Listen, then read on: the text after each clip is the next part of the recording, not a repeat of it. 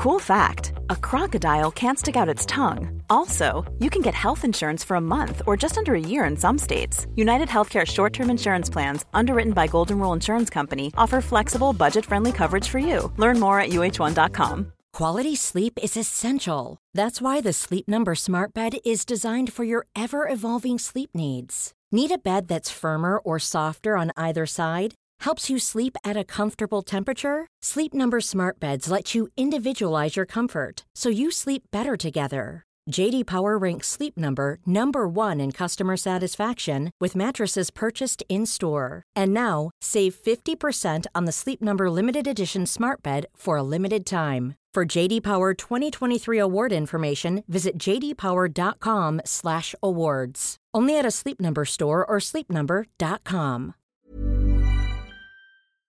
Ann Söderlund, Ann Söderlund, Ann Söderlund, Ann Söderlund. Den där gamla slagdängan från Radio Riks. Ja.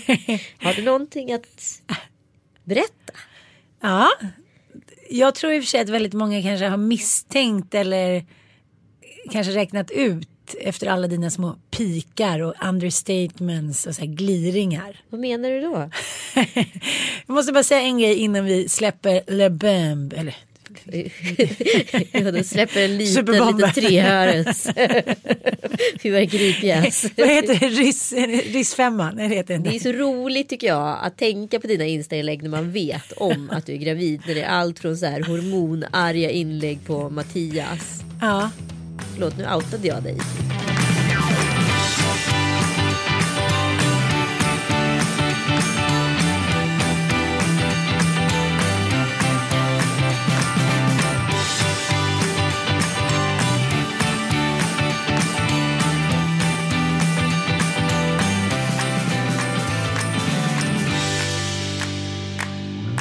Du eh, påminner lite om Michael Hutchins idag tycker jag. Tack älskling. Det är Jag lite vill här- alltid ja. påminna om Michael Hutchins. Ja, men det är bra att påminna om honom. Exakt. Okej, tillbaka till min graviditet då. Ja, grattis. Tack så mycket. Du vet att jag inte jublar.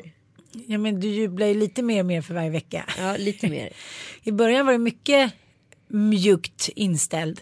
Ja, men du vet ju också att det vi pratade om för länge sedan i podden, det var ju att det enda jag är orolig för med dig Ann, det är att du lägger lager på lager.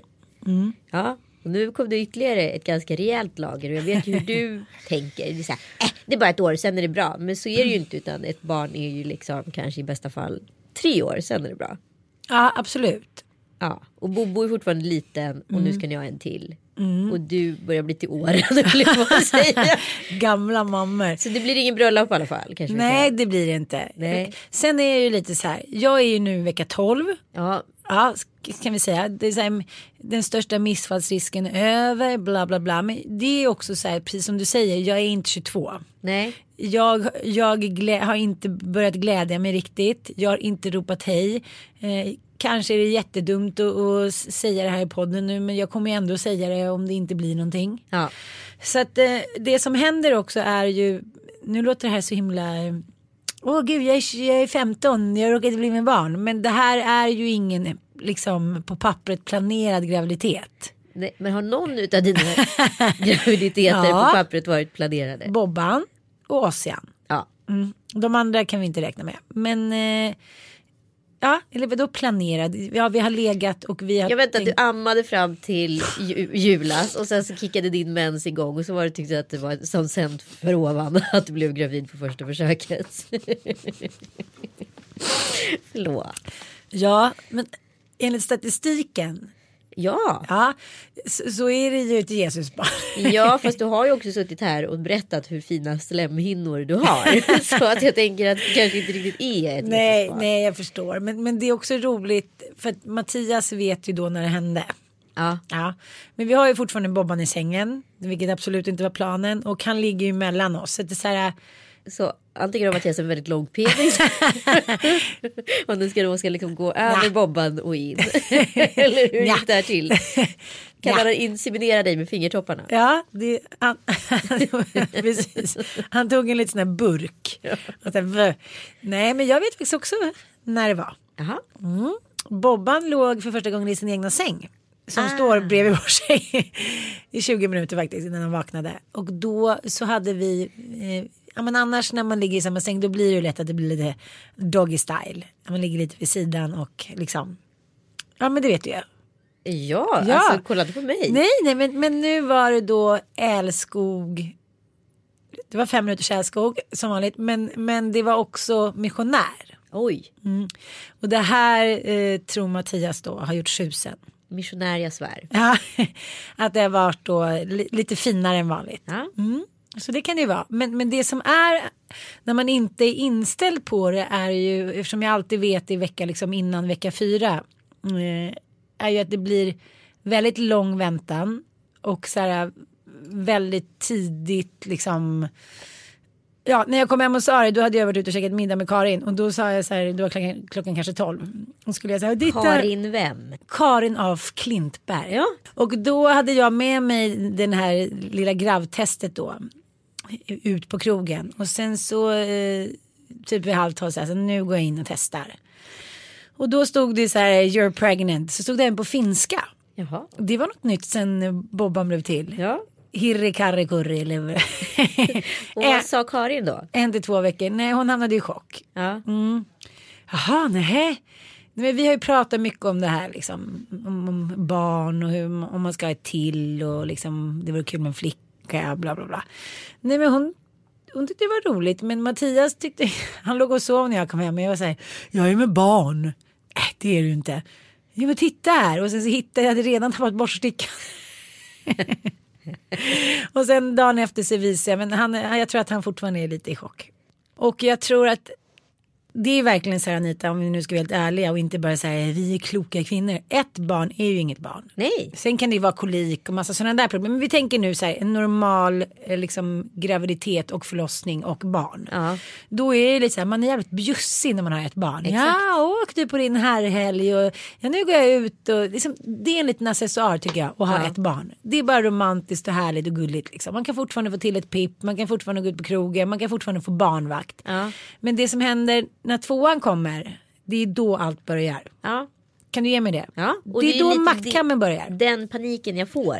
Ja, men ha- det vet ju jag inte han. känner är ju att så här, tänk om det inte blir ett barn som så här sätter samman och Bobban. svetsar samman den här relationen mer. Utan tänk Mm. om det blir ett barn som bryter isär. För den effekten har ju tvåan många gånger. Ja. Eh, och då tänker jag att han kommer i bästa fall vara två barn, ensamstående tvåbarnsförälder. Ja. Men du kommer i värsta fall vara ensamstående fembarnsförälder. Och det är inte superlätt. I bästa fall, du menar om det blir tvillingar. Då är jag Så är du sexbarnsförälder. Fan, jag kommer vara så het på marknaden. Framförallt det. Men å andra sidan tänker jag så här. Sist jag blev singel, eller nu vill jag inte bli det igen, men då vill jag ju det. Då trodde man ju så här, men gud, trebarnsmorsa hit och dit. Men så mycket, så het som jag var då, eller vad då het, men så, så uppvaktad som jag var då har jag aldrig varit. Nej. Då tänker jag att, fast nu är det i och för sig två till. Och det är små barn den här Mm, gången. Du vill, många vill ju gärna liksom peppa mig nu. Ja. Och säga så här, men det klarar och det går bara bra, det är ingen skillnad hit och dit. Men du gör precis tvärtom. Eh, då tolkar jag det som att, jag måste tolka det som att du är en väldigt nära vän och att du bara vill vara ärlig. Det ska du ju tolka det Ja. som. För att det finns ju ingen annan. Liksom, jag vet ju att alla kommer peppa dig och tycka att det är en toppen idé. Och så vet jag också att många kommer säga så här, herregud hur ska hon klara det här? Ja. Men då säger jag det till dig direkt istället för att så här, köra den bakom ryggen. Men häromkvällen var det väldigt gulligt när jag hade en riktigt hormondipp. bara så här, det här kommer inte gå, jag jag är inte kär i Mattias, jag är inte lalala. Eh, alltså en riktig Fast den kunde man ju tillskriva som en hormondipp. Den var ju Nej, ganska men det var uppenbar. verkligen hormondipp. Ja. Men det spelar ingen roll. Det är samma sak med PMS eller vad det nu är. Det spelar ingen roll att man vet att det är en hormondipp. Man tror ändå att allt är över. Ja. Och då var du väldigt peppig tycker jag. Och så jag skulle ha målbilder. Men så tänkte jag på din målbild. Jag ser dig själv ammandes i sommar. med bebis. Jag tänkte så här. Ja, då, då är så sex länge. månader. ja du menar att jag kör en. Nej nej nej. Om det här tar ett trä är kvar. Då ska jag faktiskt vara stenhård. Då är det ett halvår. Det är PT. Jag ska springa eh, New York Marathon. Tre månader efter bebisen har kommit. Nej men alltså så här. Nu får det inte bli Ann Söderlunds liksom mentalitet. Nu. Nej. Då ska jag tillbaka. Är det så? Ja så är det. Och Ja. du har mitt ord på det Ja. nu. Men vi har ju å andra sidan lovat varandra massa saker som aldrig har infriats. Jo, Nej men Nej, du vad? Jag tror på dig och du förlåt om jag låter liksom neggig. Och, men du vet ju varför. Jag är ju krösa-Maja när det kommer till sådana här saker. Mm. Och jag är ju bara orolig för dig i grunden. Men sen är jag ju sj- självklart superglad för dig Mm. också. Så det är ju väldigt så här, tvåsidigt Ja. för mig det här. Men så är det nog lite för mig också. Och jag känner det, det har varit väldigt så, spännande reaktioner tycker jag. Ja. Dels för att jag tror, ja, men som många kvinnor som tänker så här, nu är jag 40 och nu vore det kul att ha one for the road. Och så blir det ingenting. Eller så blir det missfall och så ska det försökas med IVF och Ja. så kanske det blir down syndrom. Alltså det är ju så här, man måste säga att från jag, födde, jag liksom blev gravid med Bobban till nu är det liksom två år ungefär. Och det händer ju väldigt, väldigt mycket, både missfallsstatistik Ja, och... gud, ja. Alltså det, den här gången känner jag inte bara så här, gud vad kul och gud det här kommer gå jättebra. Utan nu idag har jag gjort det här NIPT-testet. Ja. Lilla gulliga Birgitta på privata barnmorskor. Nej men de här gamla, vadå gamla, men sen de här erfarna jordemorsbarnmorskorna som Ja. har jobbat i 45 år. Är de en utdöende art? Jag tror det. Eller jag hoppas att i alla fall, jag får i alla fall intrycket av att barnmorskor är så passionerade vid sina yrken. Att de liksom går i någon ständig så här, eh, så här amningshormonskoma så att de inte kan sluta. För jag känner idag att det kanske inte finns så många arbetsgrupper eller arbetskategorier som brinner så mycket för ett vanligt jobb utan Nej. så här offentlighetens berömmelse på ett eller annat sätt få ett, ett pris som uppmärksammas eller vad det nu är. Det här är ändå en arbetsgrupp som så makar sig på och gör sin grej och lever så mycket för de små kickarna i livet. Eller de enormt stora men totalt liksom ooffentliga. Men så harmonisk. Hon sa man kanske inte blir rik på det här men jag har så många nöjda kvinnor och bla bla. Men jag måste ändå ta upp det här med NIP-testet. För Ja. jag tycker, jag har ju haft ögonen på det även när jag eh, var gravid med Bobban. Men då liksom, hade jag ingen riktigt koll på det. Då kunde man ju åka utomlands och ta det. Men jag tycker så här, det går inte att hålla tillbaka tekniken. Eh, Alla kvinnor som ligger i sängen där 24 timmar efteråt och är livrädda att de ska få missfall. Man sticker in en lång nål i magen. Nu är det liksom ett blodprov. Sen är det 99,9 procent säkert. Du kan få reda på allt. Sen är det också kanske liksom ja, moraliskt, man ska säga, etiskt fel. Men jag tycker så här. Hellre att man välkomnar tekniken att det ska vara så här. Det där är inte rätt och så, så, så, så. Fast du har väl inte ens ett alternativ i och med att du är över 40? Nej.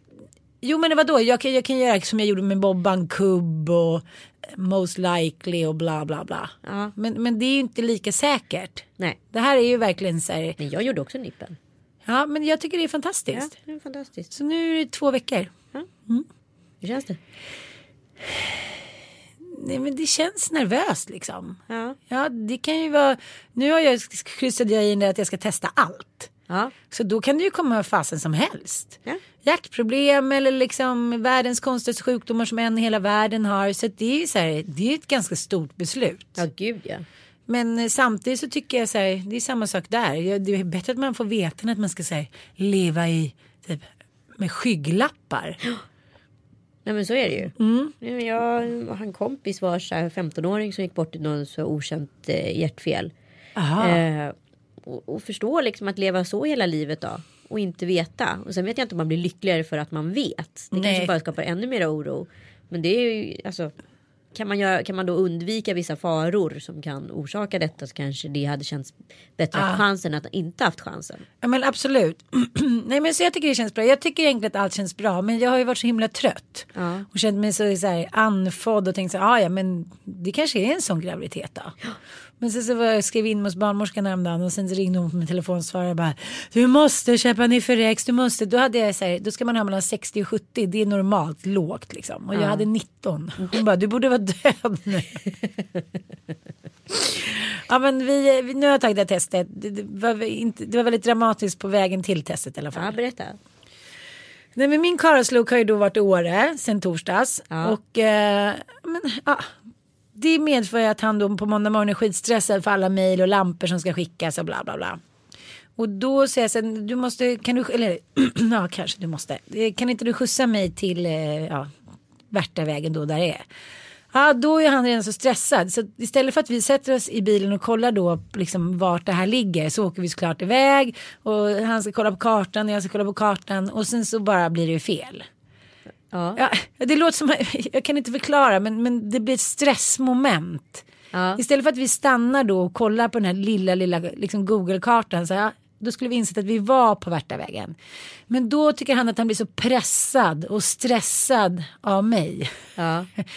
Så då liksom, nej men då slutar det med att han typ kastar telefonen i, i väggen, på säga, i bilväggen. Och att jag är så här, men det här tar jag inte, nu går jag av. Och får ta en taxi dit ja.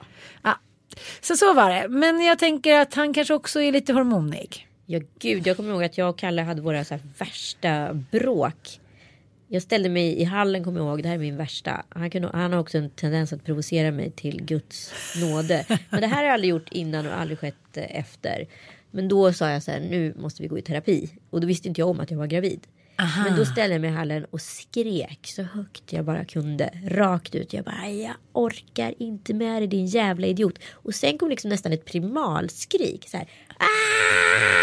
Han Jag var så förstår precis. chockad. Han var så chockad, så chockad, så chockad. Och stackars, stackars Penny stod där och fattade absolut ingenting. Hon var ju bara två då i och för sig. Det är sånt som lägger sig i kroppen. Exakt. Hon bara så här, skapar henne små sår. Men jag måste bara säga att de här tolv första veckorna. Alltså man går igenom så många metaforer och så många liksom kriser. Jag pratade när jag fikade med Klara Herngren, är Ja. ni nu, häromdagen. Jag sa så här, men gud jag känner mig inte kär. Hon bara, jag vet precis vad du menar. ja men det är samma, hon bara, det är kört, jag är inte kär i honom, varför ska jag ha barn med honom, han luktar illa, liksom. Allt är bara fel, fel, fel. Och sen så typ några veckor senare, då är de liksom, ja men du vet, Det luktar, från, från skit till hallon. Ja. Det går ganska fort. Ja, och man bara, det här är liksom den vackraste, underbaraste mannen jag någonsin har sett. Det finns ingen som skulle kunna bli en bättre pappa till mina barn. Men jag kunde liksom gå in och titta så på Kalles så här porer på näsan till så här om man hade så här matrester mellan tänderna och så hörde jag så här höga smaskljud. Ja, höga smaskljuden, Ja. check. Och till näshår och någon stack ut Mm. eller vad det nu var. Till att jag bara tyckte att han var så avskyvärd på alla sätt. Sen vecka 18 tror jag, då bara det här är en sån alfa. Alltså, han är så sexig. Den kvinna som rör den här mannen, hon ska få. liksom. Det är fortfarande ingenting har hänt. jag undrar vilken av bilderna som är mest verklig. Ja, men jag tycker det är helt fascinerande. För Ja. det, jag, man lägger ju och läser, även fast det är 50 barn, så tycker man ju ändå att det är kul att läsa såna här trådar på familjeliv och sådär. Och alla är ju säger samma sak, men vissa är fortfarande kvar där i vecka 38 och bara, jag vill inte att han ska ta på mig, jag vill inte bla bla bla. Men eh, så har det inte känts. Men det är det där, du vet, dofterna, irritationen och så helt plötsligt bara, det här kommer inte gå. Ja, vi ska, liksom, det, här, det här kommer inte gå, vi ska inte ha det, här, ha det så här och ska vi verkligen ha barn ihop och mycket så här dramatiska kommentarer från mig. Ja. Om du liksom i morse då på mejlen som tydligen också går till hans anställda. Om du är så intresserad av att ha en fortsatt relation med mig så ringer du och förklarar. Din eh, Mattias praktikant hör av sig då till, honom, till dig och bara okej då skiter vi i det. Okej, jag behöver inte hjälpa till med de här jävla cirkuslamporna. ja, så att, men jag tänker också så här historien om mitt liv. Allt från så här, ja, då ska jag ha 30-årsfest, då ska jag åka, liksom flytta till USA, då ska jag gifta mig, då ska jag göra det.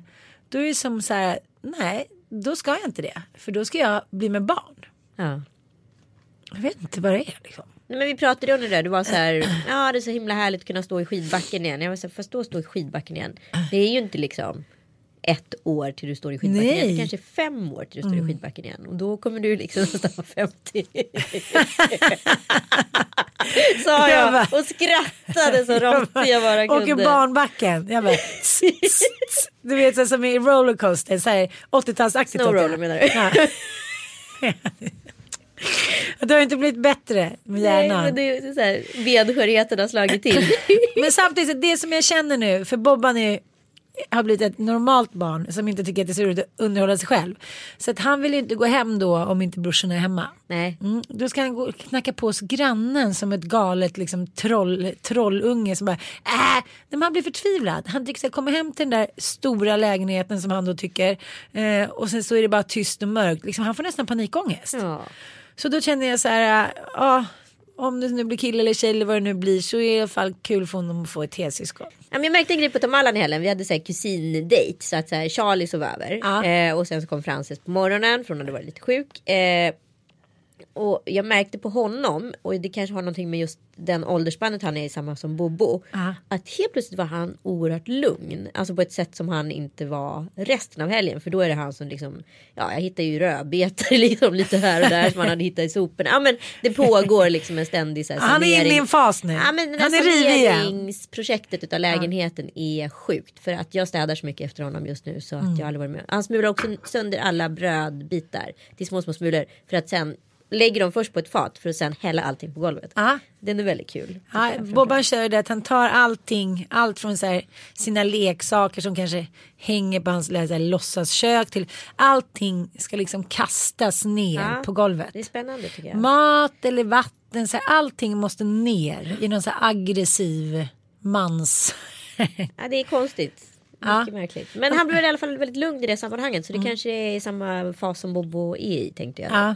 Att det är härligt för dem att vara i ett större sammanhang med barn. Det finns många att kolla på. Ja, jo, men det är av. klart. Och så har han det ju jämt med sina brorsor som underhåller honom. Så jag, jag förstår att det blir konstigt liksom. Men nu ska vi inte trötta ut lyssnana mer med gravidsnack. Jo, men de tycker det är kul. Är du säker? För jag De? tänker att de här unga Ja. tjejerna som lyssnar Ni på tycker också att podd. det är kul, eller hur? Men jag måste bara säga, eh, om jag ska jämföra lite med så tidiga graviditeter så är det lite att jag har ju varit så här. Nej men jag har inte haft några cravings direkt. Jag har inte gått bananjas. Jag har gått upp mina glada 10 kilo och tyckt så här. Ja men nästan tyckt så här, men gud hur kan man gå upp 30 kilo? Då ska man sitta dygnet runt och äta då. Ska man alltid ha något i munnen? Nu har jag så här, släppt kontrollen överallt. Ja, Jag måste hela tiden ha någonting i munnen. Det är ju så illamående grej. ja. Jag hade den med Penny. Ja, men alltså, jag, jag, gick ju förstår. upp 30 kilo. Ja, men nu förstår jag folk. Ja. Mm. Det är hemskt. Det är hemskt. För att, om man inte har något i munnen. Och då menar jag liksom någonting ätbart. Ja, men då, då vill man ju dö typ. Ja. Ja. Så Så, att du får ju träna med mig PT. Jag ska Exakt. redan nu boka PT. Då börjat med den här Filip Lailani Aha. med PT. Vadå jaha, det vet jag. Du har lagt ut bilder på Insta på dina Ja, så att han patetiska ska köra hårt matlådor. med mig nu i fem veckor. Dels upplever jag att sen min kompis gick bort Rami eh, har mitt dryckesbeteende förändrats. Jag dricker på ett helt annat sätt än vad jag någonsin gjort tidigare i mitt liv. Eh, och det kan vara en effekt utav att så här, det har varit jäkligt mycket. Jag har inte liksom kunnat sörja och jag pratade också med Kalle om när jag var så här. Jag kanske har problem med alkohol. Eh, på något sätt måste jag i alla fall ta itu med det här. För att någonting har hänt. Han var så här, jag tror inte du har problem med alkohol men jag tror att du är i sorg. Eh, och så jag pratade med några andra kompisar också. Nu ska jag faktiskt ta och gå i terapi. Eh, men för att jag upplever att det är väldigt mycket som har liksom bara förskjutits. Och i mitt fall så här, ja, har slackat av. Dels har jag varit sjuk och blir aldrig frisk. För det är hela tiden någonting. Är det inte på jobbfronten så är det liksom på den privata fronten. Och det har varit väldigt mycket partaj. Och liksom, jag upplever som sagt att min dryckesbeteende har förändrats. Och det försöker jag ta tag i nu helt enkelt. Men du, det är ju som att liksom du har inte velat stanna till och tänka till. Nej. Så att så här, hela tiden har jag försökt maxa och så en ny drink och sen en ny liten resa och bla bla bla. Ja exakt. Nej, men Ja. Jag har verkligen kommit in i en dålig spiral och jag känner så här det enda jag kan göra är att bryta det. Och sen så känner jag också att jag vill komma tillbaka till min eh, kropp. Eh, nu tre kilo kvar som jag bara sunkar till mig. Jag var tyvärr nere liksom på rätt nivåer. Och när jag bara sunkar till mig så tyckte jag det var ett perfekt ypperligt sätt att göra det här i kombination med träning då. Så att eh, nu kör vi fem veckor vitt. Jaha, Ja. Och träning på det. det, var ju, det var ju roligt då, eh, i fredags när jag var på drink hos er så kom man, jag kom typ 45 minuter efter drinken hade börjat. Då är det raj, raj, raj, raj. det är någonting med hemmafester, så här, gasen gasas Ja. på. Alltså, nej, men, nej men folk hade druckit upp på riktigt åtta champagneflaskor på. Alltså jag gjorde inget annat när jag gick och fyllde på, full Nej. på glas. Nej. Och det här är alltså människor plus 40. Absolut. Ja. Ja. och några mer till ska jag säga. Ja. Alltså, det, är som, det var mellan 40 och 50 folk som var där. Ja. Men det gick så snabbt. Och så, jag kände som att ni hade varit där i fem timmar när jag kom. Nej men det är helt sjukt. Alltså folk så här.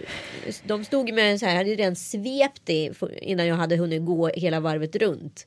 För att hylla på nästa glas. Alltså det var ju ett enormt tryck på dessa drycker. Som, det är ändå lite tur då när man är värdinna. För då måste man hela tiden förse att alla andra har kul. Så att jag Ja. kände ändå att jag så här, drack mindre än vad jag brukade. Men eh, Mm. Det var därför du skickade den där bilden till mig dagen efter när du såg ut som en jävla spöke. ja. För sen tog jag nämligen igen det lite senare på kvällen.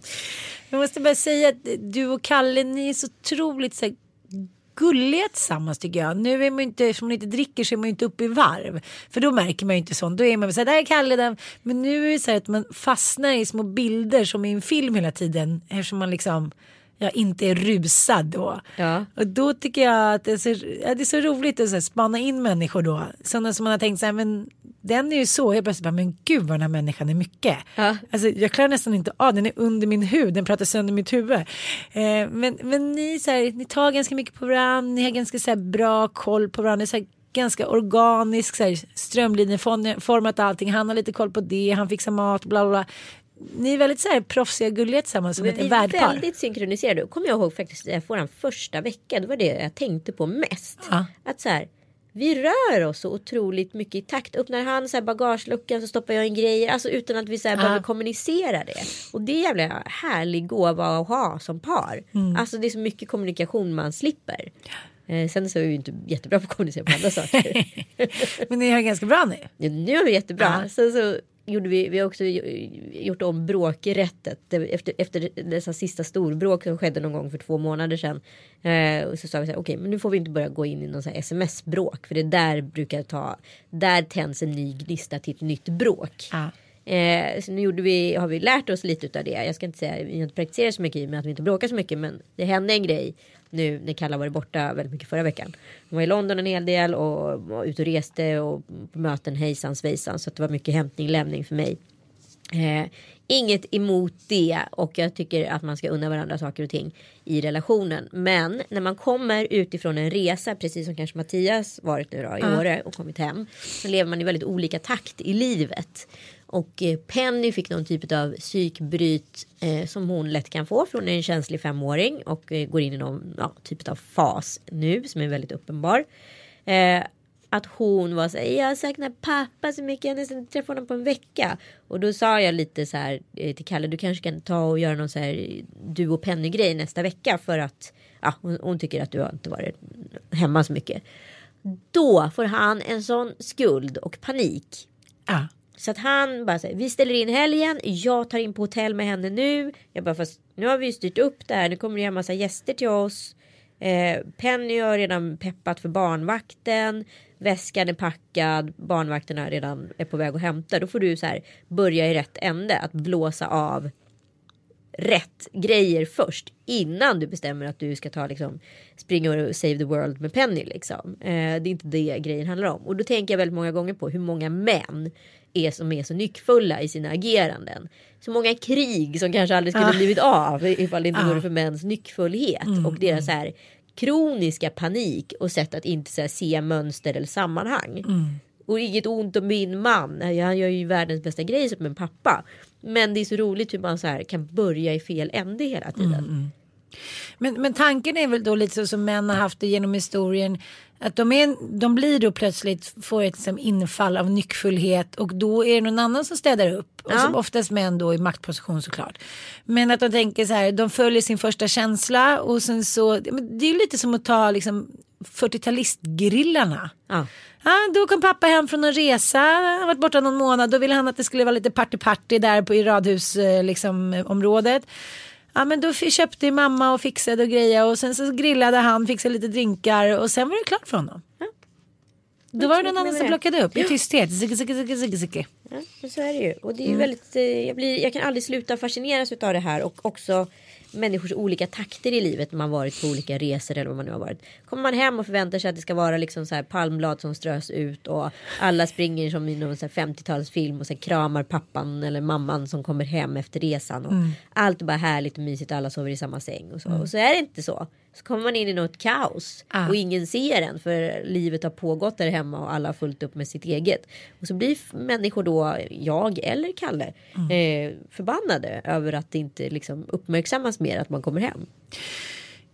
Ja men det är lite som du säger att när man är bortrest då tänker man då hinner man ju också re, liksom reflektera så mycket över sitt lilla liv där hemma. Så då tänker man sig nu är de hemma och de har längtat efter mig. Och, men själv är man ju kvar i sin vardag och kanske liksom passar på att hitta på lite roliga grejer när den andra är borta. Ja men faktiskt, för framförallt så är det ju den som är borta som saknar hemmet mest. Ja, och ja. fantiserar och skapar sig någon så här fantasivärld av hemmet.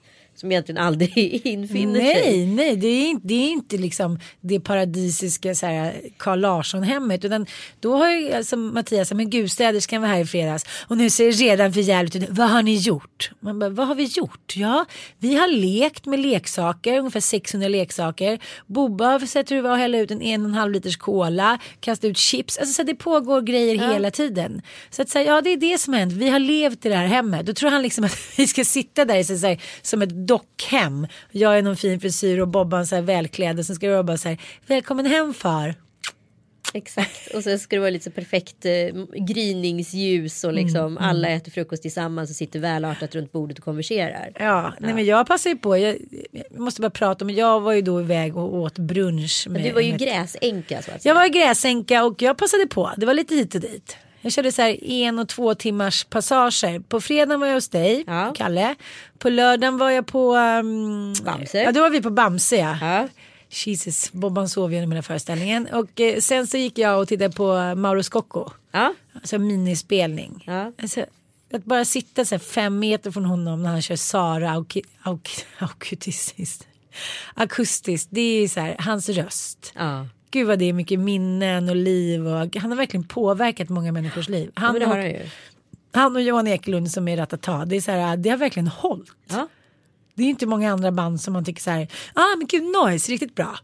Nej, och verkar också Tider, som att bara- Johan Eklund har ingen, ingen intresse av heller att så här massa likes och Nej. uppmärksamhet på Instagram etc. i diverse skivsvängar. Han är ju glad för att vara killen bakom Scocco. Mm. Men jag jobbar ju hela tiden till Myrika som är tillsammans med honom, min kompis. Att Ja. när väl, bröllopet väl blir av, Ja då är det dags. då är det dags för Johan Ekelund och Mauro. Kliva på. Då skulle jag typ, nej men du förstår inte. Jag kan inte förklara vad det skulle betyda. Vad skulle det betyda? Nej men det skulle vara en sån så här. Nu kommer jag ju då, för nu ska vi skicka ut inbjudningarna fast då ska vi skriva samma helg nästa år. Ah. Ja, det blir en liten räddning liksom. Ja för det är ändå bra att du säger till nu för det är många som har styrt om sin sommar för det här Jo, jag vet, jag vet. Men du vet så här innan man vet att det ska bli någonting och bla bla bla. Det är så jobbigt att bara säga. Fast nu blev det ingenting. Alltså förstår du? Nej men du har ju världens bästa anledning. Jo jag vet men vi säger att jag, att man skulle få ett miss, att jag skulle få ett missfall hittills. Skulle det varit så här. Ja men nu eh, vi call it off liksom. Och sen bara jaha men varför då? Alltså Så om det blir ett missfall, peppar peppar ta i trä. Så Ja, men kommer då blir- fortfarande bröllopet bli nästa år. ja. Ja, Så att liksom nu är det avblåst. ja det är avblåst. Ja, men nu måste vi skicka ut de där inbjudningarna. Apropå missfall. Ja. En annan typ av missfall. Ja, usch. Sa du om den bryggan? Ja, men en grej som vi måste älta. Jag har tänkt på en sak så himla mycket. Eh, det är ju det här med sexmissbrukare. Ja, tack för att du säger det. Jag vet att vi tänker exakt samma sak nu. Ja. Du börjar. Ja, men jag hör det här ordet hela tiden. Alltså i vissa fall vet jag att det stämmer. Och att folk har en, en liksom, missbruksådra och det är problem. Eh, alltså att de inte kan kontrollera det. Men som vilket missbruk som helst, spelmissbruk Ja, eller drogmissbruk. Ja, jag fattar. Eh, och det egentligen inte finns en eh, dold agenda. Men många, och det tycker jag det här ingår ju också i alla missbruk. Du kan kalla det spelmissbruk, du kan kalla det whatever. Ifall du inte har det på riktigt utan bara har det som en ursäkt för att få fucka upp. Då är det något annat. Men jag tänkte på det, Prat, var, pratade inte vi om det här häromdagen? Nej. Eh, Okej, men då var det någon annan jag pratade med att det är så här, ah, men min kille han kan liksom, han, han har sexmissbruk och nu kommer han ta tag i det hit och dit. Jag bara, jag känner en tjej som har erkänt så här, hon bara, jag är sexmissbrukare, jag kan inte vara trogen, jag Nej. måste svinga.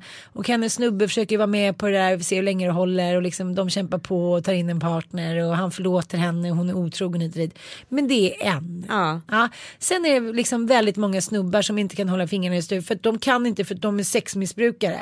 Så då blir det så här, vad är hönan och vad är ägget? Så här, varför, då borde det rimligen vara lika många kvinnor. Ja. Ja, för Det, är så här, det finns väl uppenbarligen någon de har sex med så det är ju alltid en kvinna förmodligen som är otrogen eller ja, har samma. Precis, så jag kan, jag, kan tänka, jag kan tycka också att det är ganska mycket som man kan skylla på. Det, är så här, det var för att jag drack.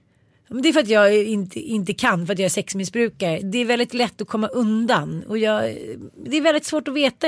Hur ska man veta vad som är vad? Nej, men jag tycker många gånger man läser de här mediala avbönerna utav så här sexmissbrukeri. Charlie Sheen, aka. Ja, han kanske just i hans fall kanske man kan Ja, här, våga tillskriva epitetet. Men det är många andra som man läser om som så här säger jag är sex- sexmissbrukare, I was addicted, bla bla bla. Så man bara vet så här, nej du är bara liksom sugen på att vara otrogen och sugen Mm. på kickar och vill ha bekräftelse. Som gans- ganska många människor vill ha. Men det tar den utvägen för dig att du måste uttrycka dig sexuellt. Men du måste väl också hålla med om att under de perioder där man har mått kass så har man ju inte varit svårflörtad. Eh, då, har, nej. nej. då har ju sex också blivit så här, ja men jag fyller på lite det här tomma svarta hålet i min mage och så ligger jag med någon och så känns det bättre i 32 minuter och sen får man bara ännu mer ångest. Så jag kan verkligen känna igen mig i det där liksom spåret att man så här knullar istället för att ta tag i sina problem. Ja, ja. Ja, men därifrån till att, så här, att man är otrogen och då skyller på att man är sexmissbrukare så är steget ganska långt. Absolut. Men jag tänkte också på, jag har en tjejkompis som har varit singel eh, ganska länge. Och hon har träffat en kille för ja, drygt ett år sedan. Eh, och de är jätte, jättekära och allt det sådär. Sen så var hon bortrest nu eh, för ett tag sedan. Eh, och var borta över en helg och var så här, gud de har precis flyttat ihop och det är så himla nykärt och det ska vara så jävla härligt. Och det vet man ju själv.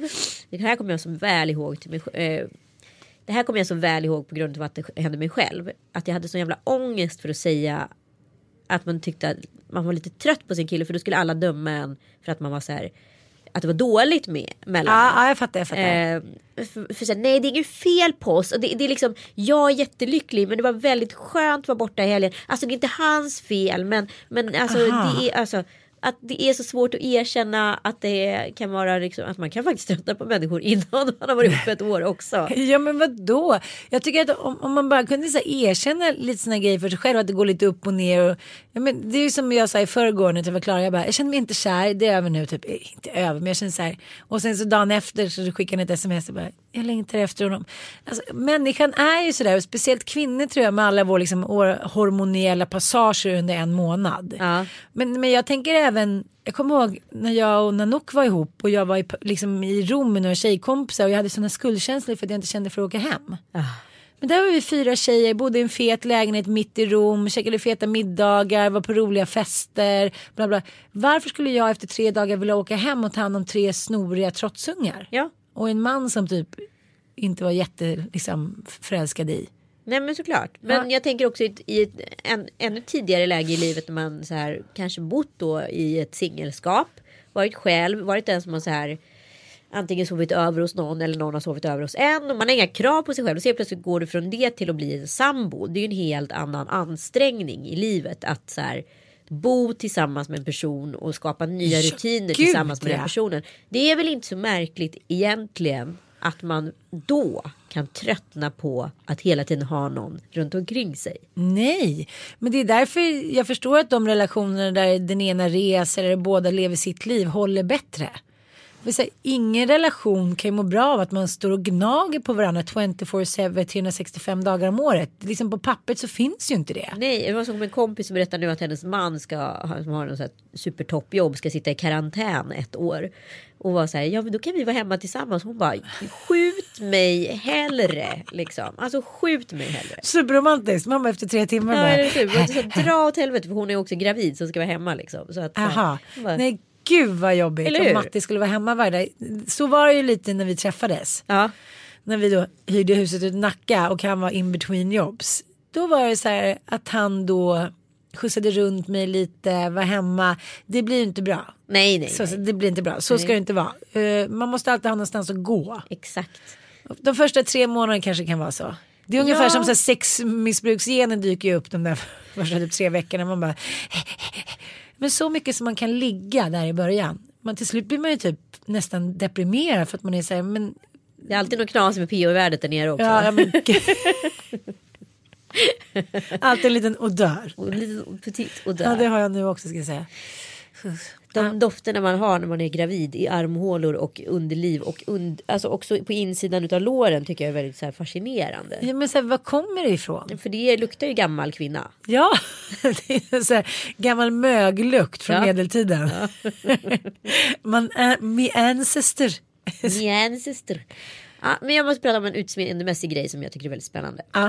Eh, och ni vet ju Anders Sundström och Micke Wolf, den här Swedbank-härvan som vi alla följt med spänning nu under våren. Jag har liksom slukat varenda sida jag har kunnat hitta om det här. Har Eh, du ringt Kaspersen för inside of nej, information? jag har inte vågat ringa Kristin faktiskt. De var annars ett ganska hett par tycker jag. Verkligen, tjusigt var Det det. blev bara vänskap har hon berättat. Jag har också suttit på en middag med henne och fått reda på det. Bara så du vet. Hur som helst.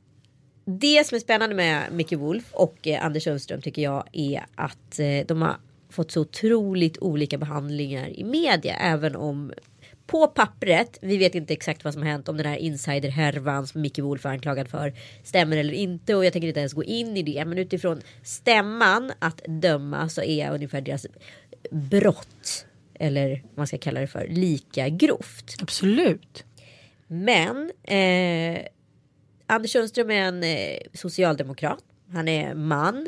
Han ser inte supersympatisk ut. Han är inte superung. Han är inte superung.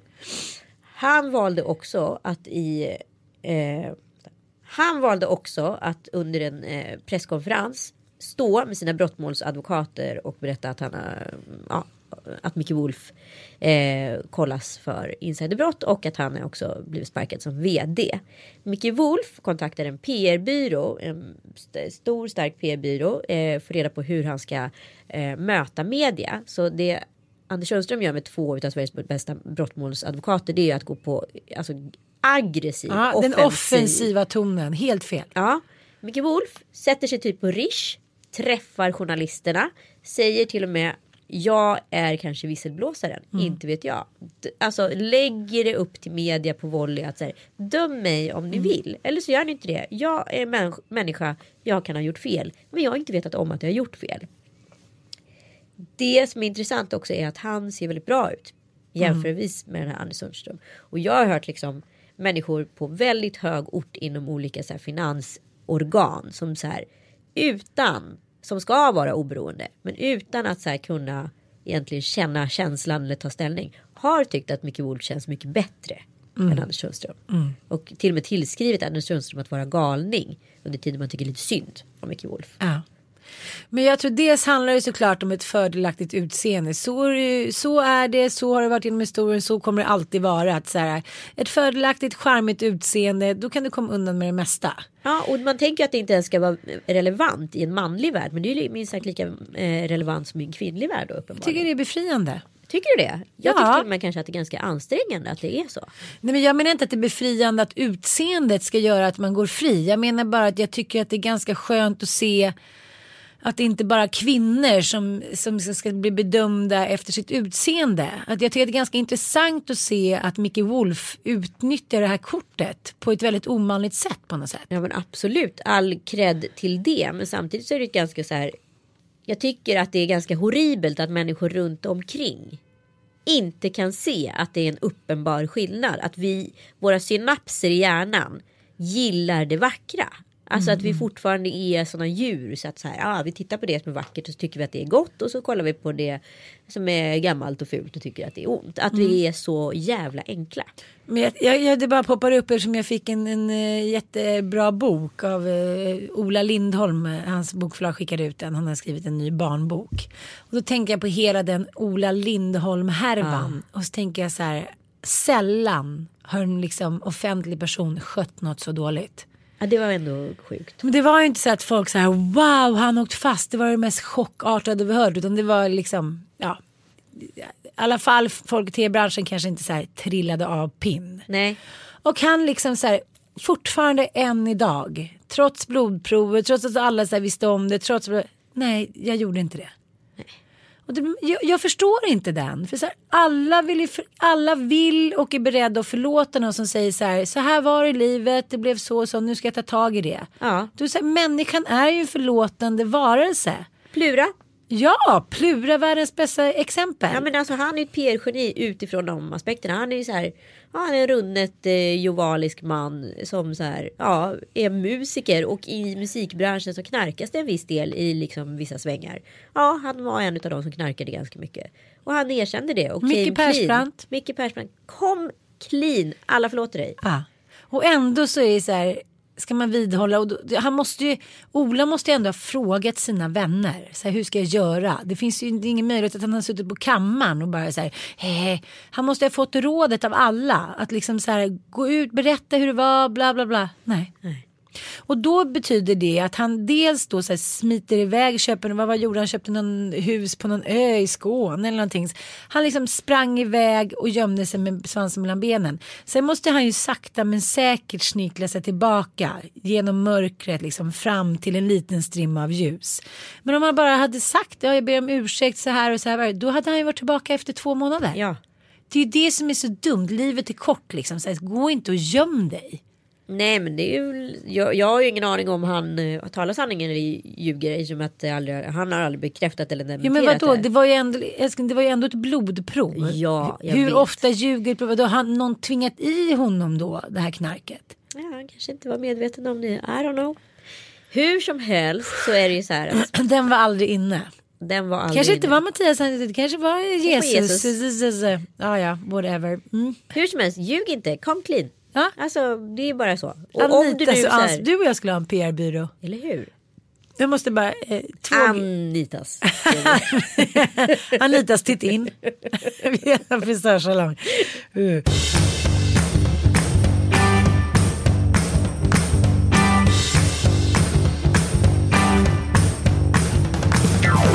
En sak som ändrade lite karaktären på min helg var att i fredags eh, så träffade jag en gammal bekant. som, eh, ja men jättetrevlig. Och Vi hade inte träffats på något år, kanske vi började prata. Och han är så här, ska vara lite fin i kanten och har liksom, tyckte det var lite fint med stålar och synas i media hit och dit. Och så började vi prata och så sa han så här, men jag har haft lite dåligt med pengar ett tag nu och då har det varit väldigt viktigt för mig att ta reda på vad som är viktigt. Ja. Jag har liksom fått kliva ur min comfort zone. Ja. För han är ju van vid gratisfester och det kommer in deg och hit och dit. Så plötsligt så har du inte gjort det. Johannes Brost. Nej, honom träffade jag ju på brunchen igår, det kan vi också ta sen. Men då satt vi och pratade kanske i tre kvart och så sa han så här att eh, det har ju fått mig också inse lite vad som är viktigt i livet. Ja. Alltså att man hela tiden, man gör saker för att man kan. Så här, Okej, är det viktigt för mig att ta en taxi hem från krogen? Nej det är det inte. Så tar jag bussen eller tunnelbanan, då är man ju ute ur sin comfort zone. Då börjar man ju prata med helt andra människor. Och, nu kanske det var ett dåligt exempel. Men Är han, det så lätt? Jo, men jag tyckte bara att det var så roligt som han sa så här, han har ju alltid åkt första klass med allting och tåg och hit och dit. Och nu sa han så här, jaha det har jag inte råd att göra nu. Så då hamnar jag nu låter det som jag är så elitistisk, liksom, jag åker ju inte själv första klass. Men det jag menar är att man kanske kan kliva ur sin comfort zone vad det än gäller. Om man nu ska så här, vara lite liksom finare i kanten eller så, så, Fast jag tycker alltid, förlåt mig, att det är människor som kommer från just de liksom, metaforerna. Ja. Ja, Jag körde business, jag har gjort det och jag har levt livet i high-end världen. Som berättar om hur mänskliga de har blivit som åker buss. Och det tycker jag Ja, blir jag så jävla fattar. tröttsamt. Jo men jag tänkte inte, jag förstår att när han berättade för mig så blev det ju väldigt klyschigt. Men sen så när jag tog det vidare så tycker jag att det är en ganska intressant metafor att själv spinna vidare på. Absolut. Så här, vad är viktigt? En annan kompis Det berättade. är alltid de där jävlarna som Ja. åker business class som måste liksom göra den här resan och inse så här, åh pengar är inte så viktigt ändå. Oh, Ja spännande." men jag menar också så här, det geografiska avståndet har du och jag pratat om. Att ibland måste man liksom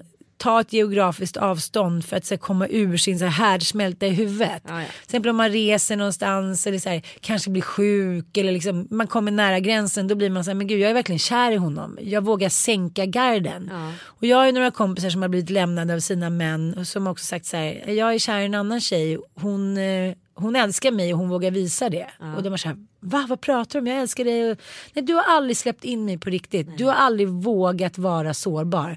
Du har kört din karriär och din stil och liksom, du har släppt in mig men inte hela vägen. Och till slut så blir det en konstig relation att leva i. Så, så här, du sänkte aldrig garden. Du vågade aldrig liksom älska mig fullt ut. Nej, och för den förtvivlan då. för att sin flickväns yrke eller sin flickväns här lite sämre familj. Nej, tvärtom. Att killarna har inte blivit insläppta tycker de. Nej. Förstår du? Att, ja, men man kommer, man kanske träffar någon kille lite senare i livet. Man är rädd för att våga älska för man är rädd för att bli sårad. Ja, det är absolut bästa skyddet. Ja men absolut och det är ju skitläskigt men om man, om man aldrig vågar älska då blir det heller aldrig man faller ju jävligt mycket hårdare när man vågar älska. Men Ja, ja. jag tror ju aldrig att det, liksom, det kan bli en härlig, öppen, hållbar relation om man inte vågar vara sårbar. Nej. Men det är jävligt läskigt att vara sårbar. Det är fruktansvärt läskigt. Att sova. Är du Kolla på sårbar? Anders Sundström. Ja, jag är jättesårbar. Jag tycker generellt att jag har ganska mycket känslorna utanpå. Ja. Det är svårt för mig att hålla käften om hur jag mår. Även om jag ibland önskar att jag gjorde det. Liksom. Fast vi, du och jag är ju sårbara men vi har ju ändå ett, en liten fot på flykt. Vi har ju alltid en backup-plan. Jo, jo, men alltså, alltså Kalle vet ju om att hans största liksom, fiende är ju mig. När det kommer till om vi skulle separera eller inte. Den enda han tävlar mot, han tävlar inte mot någon annan man. Utan han Nej. tävlar ju mot min självständighet. Men det tycker inte jag är samma sak. Nej men jag tycker att det finns en, det är liksom en hårfin skillnad där när man vågar här, släppa taget. Och bara så här, förlita sig på någon eller om man hela tiden så här, är lite beredd för att man inte vill vara den som förlorar spelet. Så känner jag. Gör du det? Ja, men jag tycker att jag är lite sån. Ja, jag det, tror- du, det kan jag nog i och för sig tillskriva dig mer. Ja, jag skulle liksom aldrig släppa garden helt. Dels också för att jag snart kommer kanske ha fem barn. Jag kan inte släppa garden helt. Nej. Förstår jag menar? För att så här, det är ju det som är riskfyllda med att göra det och det är därför jag också så här, råder alla unga tjejer så här. Ha din egen liksom, ha dina egna fuck off människor, din egen ekonomi. Det behöver inte vara liksom 100 miljoner men här, bli inte totalt beroende av en annan människa. Dels är det inte sexigt, ursäkta. Och dels är det så här, ibland händer det grejer och då tar det så jävla mycket längre tid att komma tillbaka. Men var ärlig. Mm. Baserat på det vi har pratat tidigare om idag. Eller hur? Kanske avsluta här. Ja men kan vi bara ta upp då som avslutning Emilio Ingrosso. Okej. Det här, jag vill inte, nu vill inte jag så här, det är inte att jag vill snacka skit. Nej. Nej, jag tycker han är en fin man och det är härligt att han har tagit sig i kragen och flyttat till Mallorca och startat olika krogar och allt går jättebra. Han är nykär och allting. Men jag tar ju nu det här eh, Emilio Ingrosso som ett exempel för att uttrycka en frustration jag ibland kan känna för att här, det är så lätt för män att komma tillbaka. Okej. Ja men om man ändå sa så här. Han stack ju då till Mallis eller Italien, jag vet inte var han flyttade. Man måste ändå säga Pernilla har ju ensam uppfostrat de tre barnen de har tillsammans. Ja.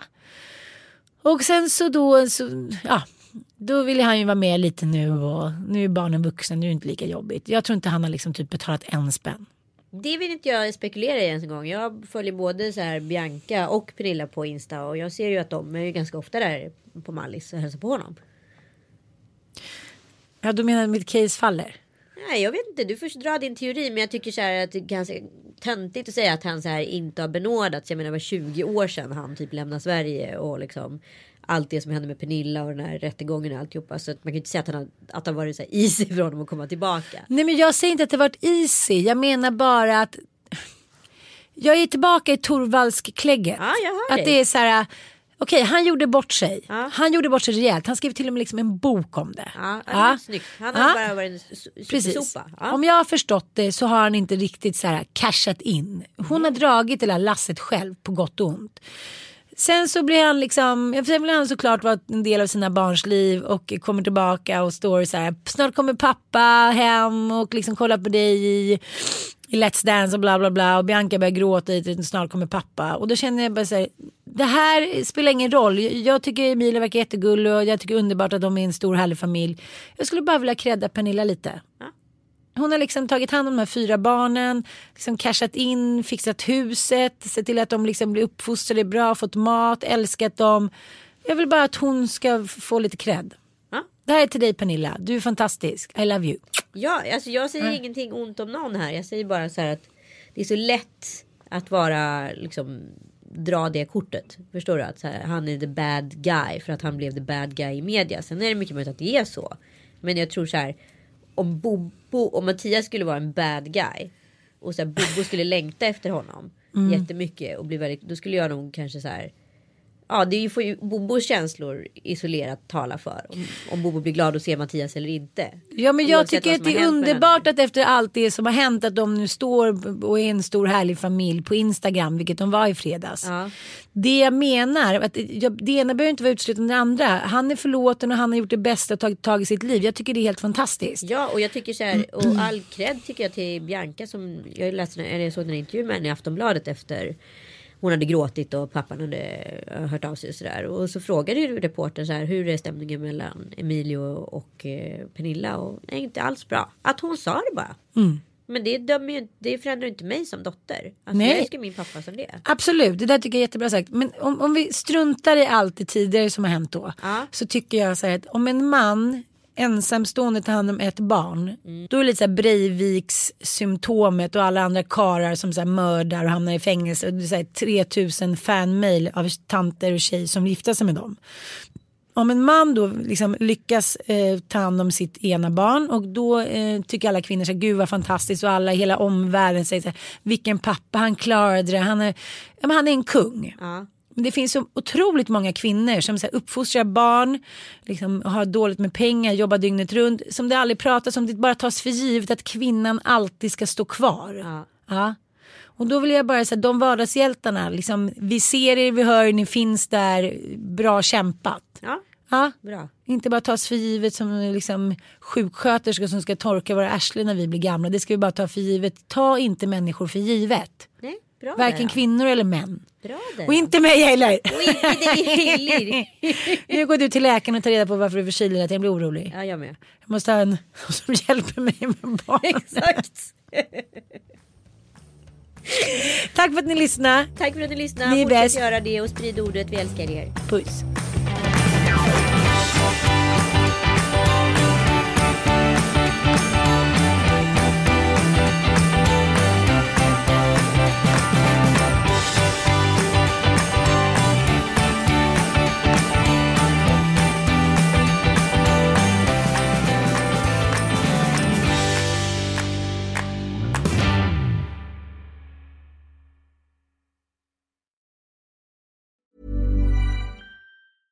Hey, it's Paige DeSorbo from Giggly Squad. High quality fashion without the price tag. Say hello to Quince. I'm snagging high-end essentials like cozy cashmere sweaters, sleek leather jackets, fine jewelry, and so much more. With Quince being 50 to 80% less than similar brands.